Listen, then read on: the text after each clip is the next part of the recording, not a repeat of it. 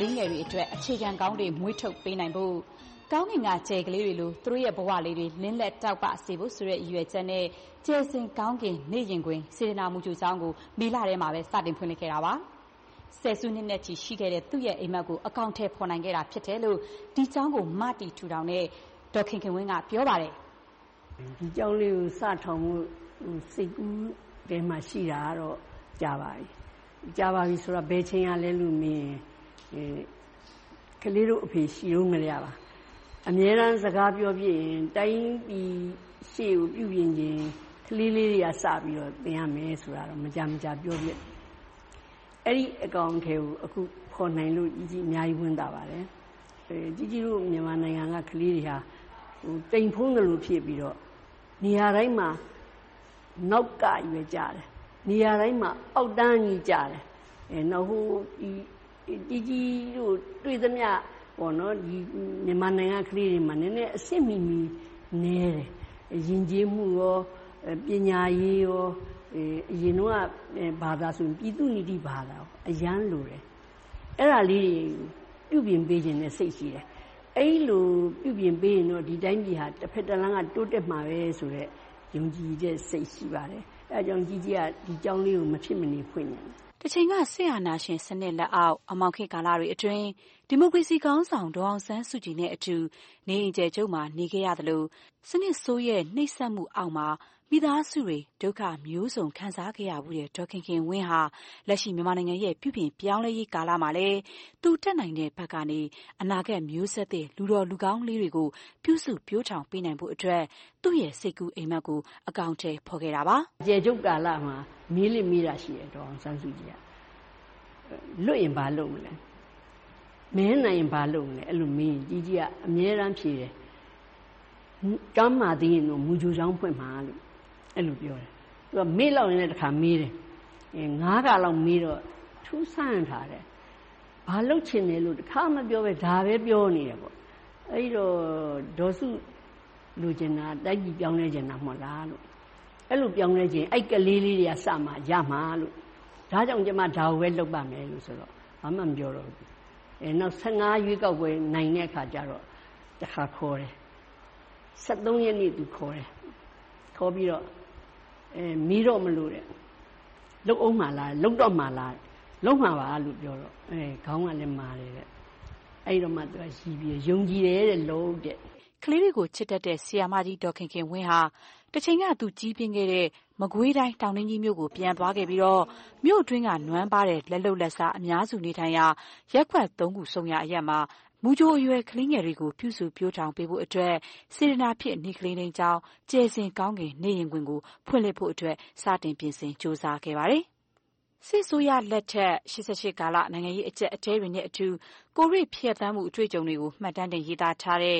ဒေါ်ခင်ခင်ဝင်းရဲ့ ရေစံလမ်းမ အိမ်အပြန် စာအုပ်ကလည်း ဒီကျောင်းလေး ဖြစ်လာဖို့အတွက် အဓိက မတည်ပေးခဲ့တာပါ။ဒီစာအုပ်ကလေးက ကိုမျော်လင့်ထားတာတွေတောင်းပဲ ဒီစေတနာရဲ့ အကျိုးကြောင့်လား မသိဘူး စရောင်းတဲ့နေ့မှာပဲ တော်တော်ရောင်းရတယ် အဲ့ရောင်းရငွေကို ကျမလှူတယ်ចောင်းစတူစားမယ်လို့ပြောတော့ ဒူဝင်စာအုပ်တိုက်ကလည်း သူတို့ ဒီရိုက်ကူးရိုက်ခတွေ မယူပါဘူးတဲ့ လှူပါတယ်ဆိုပြောတယ် နောက်ဟိုဒီဆရာ စာရေးဆရာဘုံမြင့်သား ဆရာအာသာမြင့်ကလည်း သူလည်းတစ်ဖက်တစ်လမ်းကတတ်နိုင်တဲ့လောက်ပါမယ်ဆိုပြီးတော့အဲ့လိုစမှတ်တည်ခဲ့တာမှတ်တည်ခဲ့တော့ဒီလိုနေလို့မရသေးဘူးသူများဟိုဟိုလူဟိုလူလှူပါဒီလူကူပါနဲ့အမြဲတမ်းလုပ်နေလို့လည်းမကြိုက်ဘူးဒါခိုင်ခိုင်မာမာကိစ္စဖြစ်သွားအောင်ကတော့လုံးဝရမယ်ဆိုပြီးတော့မှကြံစည်နေတော့မှစင်ကာပူနိုင်ငံကကြီးကြီးထွက်တဲ့စာအုပ်ကလေးနဲ့စာအုပ်စာပေဟောပြောမိတ်ဆက်ကလေးလာပါဆိုတော့တော့ကျမ်းမာရေးတော့သိမကောင်းဒါပေမဲ့သွားလိုက်တယ်ကြိုးစားပြီးတော့သွားပြီးအဲ့ဒီမှာ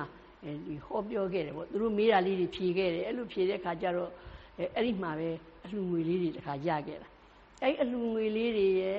အမေရိကလာတော့က community အဖွဲ့ကကြော့လိုက်တဲ့ငွေလေးတွေအဲ့အလှငွေတွေနောက် BOA ရဲ့85နှစ်မြောက်အထိမ်းအမှတ်နဲ့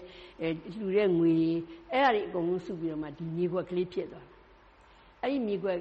ဝယ်ပြီးတဲ့နောက်ကျအဆောက်အဦအတွက်တခါစိတ်ပူရပြန်ဒီအဆောက်အဦကိုငါဘယ်လိုပြီးအောင်ဆောက်ရပါမလဲဆိုပြီးတော့ အဲ့လိုစိတ်စိတ်ထဲကူးနေတော့မှအရင်တုန်းကအဲအခု NLD မှာပညာရေးကိုရင်ထဲပါတယ်ဆရာနေအုပ်စိန်ဘောအဲသူကနေပြီးတော့မှအာဒေါခင်ခင်ဝင်းကျွန်တော်ကျွန်တော်ကြိုးစားမယ်ဗျာဆိုပြောပြီးတော့မှသူကရွှေတောင်ဥအိုက်ထွန်းနဲ့ကအနှစ်30လောက်ကလေးကတငယ်ချင်းနေတာအဲ့တော့ तू तू ကဥအိုက်ထွန်းကိုသွားပြီးတော့ကမ်းလှမ်းတဲ့အချိန်မှာဥအိုက်ထွန်းကကျွန်တော်ဆုံးဖြတ်ချက်ချပြီးပြီးပြတဲ့ဒီ ဗမာပြည်မှာပညာရေးနဲ့ပတ်သက်တဲ့ကြောင်းတရားပြည့်ရင်ရက်မယ်လို့ကျွန်တော်ဆုံးဖြတ်ထားတယ်အဲ့တော့ဥနေဦးကမလုပ်ပါနဲ့ရာဒေါ်ခင်ဝင်းကြီးကိုတော့ခမဖြစ်အောင်လုပ်ပါအောင်တရားကြော်လိုက်ပါဗျာဆိုတော့ဒီဒီကြီးကြောင်းကိုပြင်းစင်းနဲ့ကြီးကြီးကြောင်းကတောင်း105မြောက်ဖြစ်သွားပါတယ်ဒီကျယ်စင်ကောင်းငယ်ဟိုနေ့ရင်တွင်ဆိုတဲ့နာမည်အောင်ဘယ်လိုပေးပြပါလဲအဲကြီးစိတ်ကူးထဲမှာဒီကလေးလေးတွေကိုကျယ်လေးနဲ့ကျယ်ပြီးထားရတာပေါ့နော် သူ့ရဲ့ ကြိုးပမ်းအားထုတ်မှုအတွက် နိုင်ငံတော်တိုင်ပင်ခံပုဂ္ဂိုလ် ဒေါအောင်ဆန်းစုကြည်ကလည်း ဝမ်းသာဂုဏ်ယူရကြောင်းကို ကျောင်းအပ်ပွဲအခမ်းအနား ကျင်းပချိန်မှာ ဗွီဒီယိုရုပ်သံပေးပို့ပြီး ပြောကြားခဲ့ပါတယ်။ကလေးတွေကို ချစ်ခင်တယ်။ကလေးတွေကြားထဲမှာ နေချင်တယ်။ကလေးတွေနဲ့နေရတာ ပျော်ရွှင်တဲ့စိတ်ရှိတဲ့ အဝန်းကနေပြီးတော့ ဒီလို နေ့ကလေးထိန်းဌာနတခု ဖွင့်နိုင်တဲ့အတွက် ကျမ ဂုဏ်ယူတယ်။ကျမ အားပေးတယ်။နောက်ပြီးတော့ အင်မတန်လည်း ဝမ်းသာပါတယ်။ကျမတို့ရဲ့ ကလေးများဟာ ဘဝကိုစပြီးတော့ရင်ဆိုင်တဲ့အချိန်မှာပျော်ပျော်ရွှင်ရွှင်ရှိဖို့ကအင်မတန်မှအရေးကြီးပါတယ်။ငယ်ငယ်တည်းကပျော်ရွှင်တတ်တဲ့ဗီဇလေးတွေမွေးပေးမှအသက်ကြီးလာတဲ့အခါကျရင်ဘယ်လိုစိန်ခေါ်မှုတွေပဲရင်ဆိုင်ရရင်ဆိုင်ရပျော်ပျော်ရွှင်ရွှင်တတ္တိရှိရှိနဲ့ရင်ဆိုင်နိုင်တဲ့အရေးအသွေးတွေနဲ့ပြည့်စုံမှာပါ။ဒါကြောင့်မလို့အဝင်းလုပ်ပေးနေတဲ့အလုပ်ဟာကျမတို့ရဲ့နိုင်ငံရဲ့အနာဂတ်အတွက်ပဲလို့ကျမယုံကြည်ပါတယ်။၂၀၁၉ခုနှစ်ဖေဖော်ဝါရီလ၁၃ရက်ဗိုလ်ချုပ်မွေးနေ့မှာကျင်းပတဲ့ ကျောင်းအပ်ပွဲ အခမ်းအနားကိုတော့ မကွေးတိုင်းဝန်ကြီးချုပ်နဲ့အတူ တိုင်းအစိုးရ တာဝန်ရှိသူတွေအပြင် နိုင်ငံတကာ သံတမန်တချို့လည်း တက်ရောက် ဂုဏ်ပြုခဲ့ကြတာပါ။ဒီကျောင်းအပ်ပွဲ ကျင်းပပြီးတဲ့နောက် ဆရာ၊ဆရာမတွေကို လိုအပ်တဲ့ သင်တန်းတွေ ပို့ချပေးခဲ့ပြီးတဲ့နောက် ဒီနှစ် မေလ ၂ ရက်နေ့မှာပဲ ကျောင်းကို စတင်ဖွင့်လှစ်ခဲ့တာပါ။ဒီလို စတင်ဖွင့်လှစ်တဲ့နှစ်မှာပဲ အသက် ၃ နှစ်ကနေ ၅ နှစ်အရွယ်အထိ ကလေးငယ် ၈၀ ကျော်ရှိပြီး ဆရာမ ၈ ယောက်နဲ့ အရန်ဆရာမ ၂ ဦး ခန့်အပ်ထားပါတယ်။ ရပ်ကွက်အတွင်းက ကလေးမိဘတွေရဲ့ ဆရာမကြီးအပေါ်မှာ ထားတဲ့ ယုံကြည်မှုကရော ဘယ်လိုရှိပါလဲ။ဒီကျောင်းက ပြုစုပျိုးထောင်တာလေးကအစ သမီးလေးအတွက် စိတ်ချယုံကြည်လို့မို့လို့။ကျနော်တို့ သားသမီးတွေကအနီးကောင်းဆုံးအစလုံးသောသမီးလေးတွေဖြစ်တဲ့အတွက် အရေးကောင်းဆုံးတစ်ပင်မှာ ယုံကြည်စိတ်ချစွာနဲ့ လာအပ်နိုင်ခြင်း ဖြစ်ပါတယ်ခင်ဗျ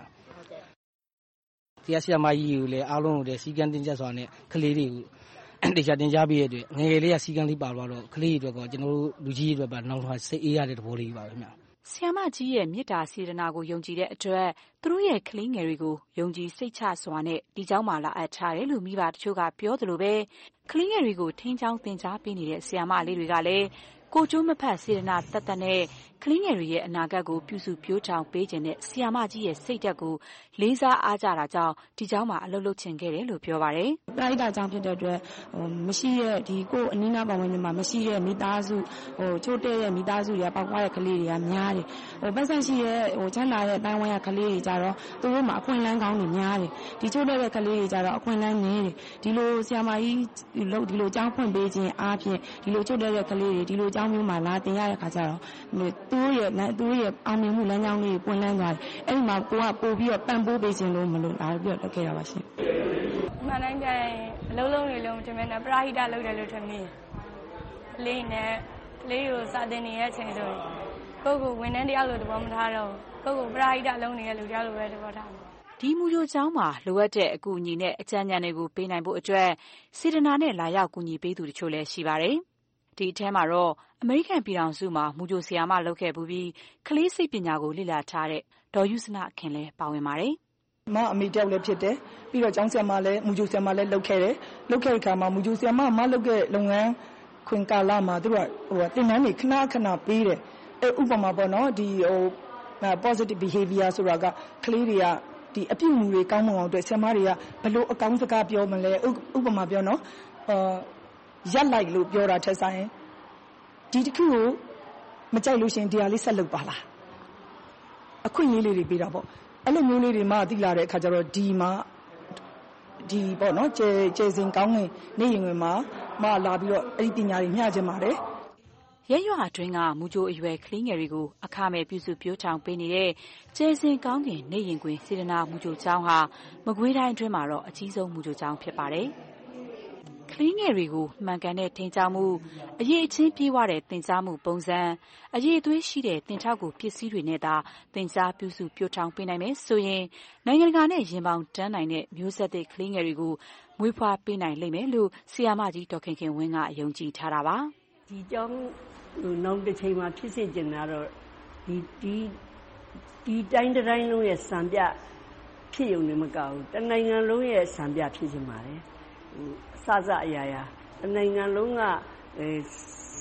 အားကြပြီးတော့ဟိုလိုက်ပြီးတော့ဟိုအတူယူလှုပ်ဆောင်ခြင်းစိတ်ပေါက်လာအောင်အဲအဲ့လိုလှုပ်သွားခြင်းပါတယ်ကြီးကြီးကျမ်းမာရေးကောင်းလို့အဲအဲ့လိုလှုပ်သွားဖို့အချိန်ပေးပါစေလို့ပဲဆုတောင်းတာ ဒီကြီးကအဲ့ဒါအတွက်လည်းအများကြီးစူးစမ်းခဲ့ရတာဒီကျောင်းအဆောက်အဦဖြစ်ဖို့ကိုပဲနှစ်နှစ်သုံးနှစ်လောက်စူးစမ်းခဲ့ရတယ်အဲ့တော့ဒီလောက်အချိန်ယူပြီးတော့အချိန်ကြီးပေးပြီးလုပ်ပြီးတော့မှဒီကလေးလေးတွေကိုစပြီးတော့ပြိုးထောင်ပြတဲ့ခါမှာအဲတနိုင်ငံလုံးရဲ့စံပြဖြစ်သွားစေချင်တယ်အဲအဲ့လိုဖြစ်သွားအောင်လေကိုကိုယ်တိုင်လည်းပဲဟိုဒီလှုပ်နိုင်တဲ့၍မဆုံးမနစ်လှုပ်သွားမယ်လို့ဆုံးဖြတ်ထားပါတယ် အခုအချိန်မှာ အသက် ၇၅ နှစ်ကျော်လာပြီ ဖြစ်ပေမယ့်လို့ သူ့ရဲ့ စိတ်ကူးအိပ်မက်တွေကို အကောင်အထည်ဖော်ဖို့အတွက်ကိုတော့ နောက်ဆုံးအချိန်အထိ ကြိုးပမ်းသွားဦးမှာ ဖြစ်တယ်လို့ ဒေါ်ခင်ခင်ဝင်းက ပြောပါတယ်။